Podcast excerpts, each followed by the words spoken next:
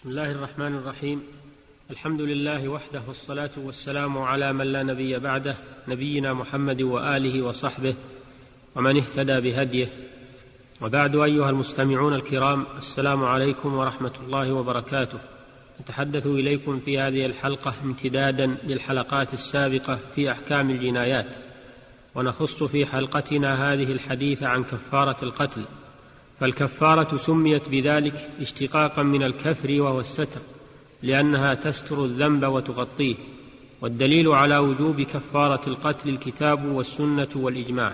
قال الله تعالى ومن قتل مؤمنا خطأ فتحرير رقبة مؤمنة ودية مسلمة إلى أهله إلا أن يصدقوا إلى قوله تعالى فمن لم يجد فصيام شهرين متتابعين توبة من الله وكان الله عليما حكيما. وروى أبو داود والنسائي أن النبي صلى الله عليه وسلم قال في القاتل أعتقوا عنه يعتق الله بكل عضو منه عضوا منه من النار. وإنما تجب الكفارة في قتل الخطأ وشبه العمد.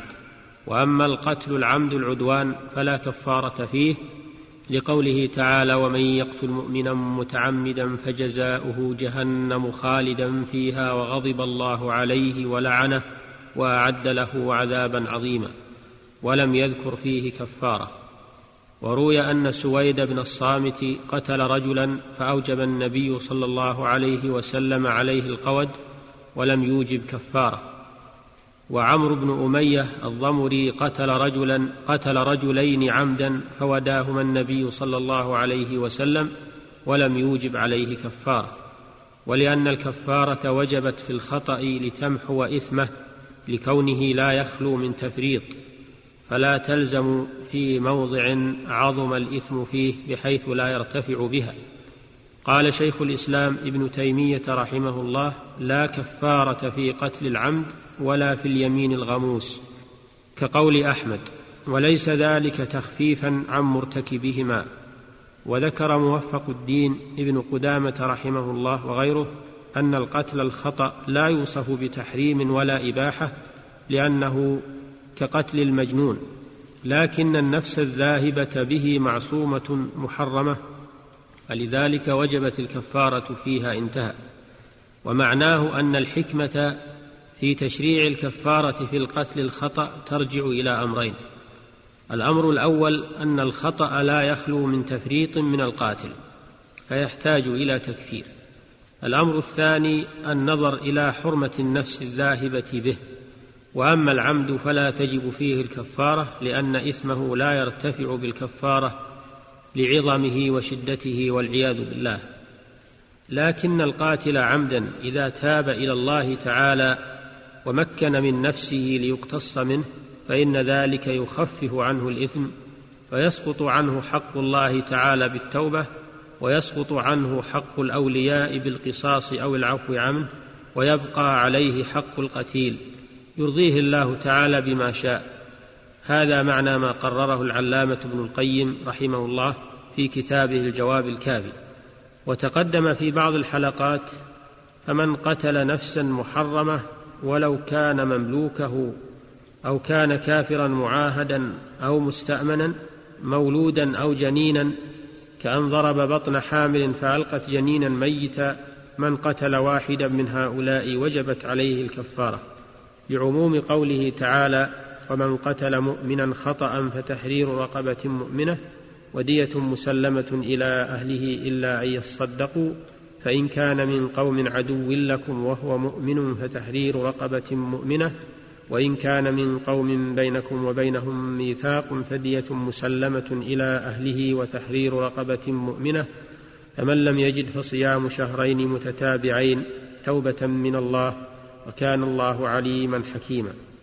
وسواء انفرد بقتل النفس أو شارك في ذلك غيره وسواء كان القتل بمباشرة أو تسبب كمن حفر بئرا متعديا في حفرها أو نصب سكينا ونحو ذلك من كل فعل ينتج عنه وفاة شخص فإنه تجب عليه الكفارة.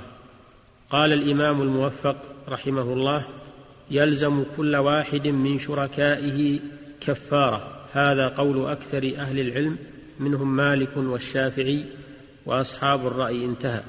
وتجب الكفارة على القاتل سواء كان كبيرا أو صغيرا أو مجنونا وسواء كان حرا أو عبدا لعموم الآية. والكفارة عتق رقبة مؤمنة فإن لم يجد فصيام شهرين متتابعين ولا يجزئ الإطعام فيها. فإذا لم يستطع الصوم بقي في ذمته ولا يجزئ عنه الإطعام لأنه تعالى لم يذكره. والأبدال في الكفارات تتوقف على النص دون القياس ويكفر العبد بالصوم لأنه لا مال له يعتق منه. وإن كان القاتل مجنونا أو صغيرا كفر عنه وليه بعتق لعدم إمكان الصوم منه ولا تدخله النيابة.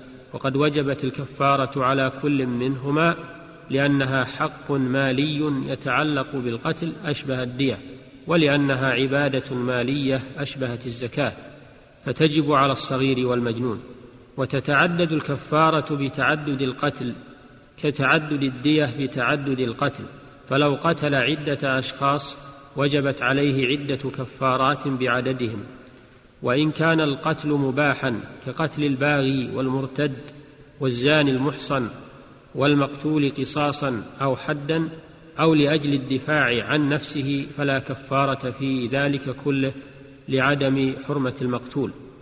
أيها المستمعون الكرام إن أداء كفارة القتل مما يتساهل فيه بعض الناس اليوم خصوصا في حوادث السيارات التي تذهب فيها أنفس كثيرة فقد يستثقل من تحمل المسؤولية في ذلك يستثقل الصيام ولا سيما إذا تعددت عليه الكفارات فلا يصوم وتبقى ذمته مشغولة بهذا الواجب العظيم كما أن هناك ظاهرة أخرى وهي أن عاقلة القاتل قد لا تتحمل دية الخطأ وإن تحمل أحد منهم شيئا منها فإنه يظنه من باب التبرع ولذلك نرى بعض من حصل منهم القتل الخطأ يسألون الناس سداد الدية وهذا تعطيل لحكم شرعي عظيم أدى إلى جهل الكثيرين به وربما يكون بعض المتسولين باسم تلك الغرامة متحيلا فيجب, فيجب الأخذ على يده ومنعه من أكل المال بالباطل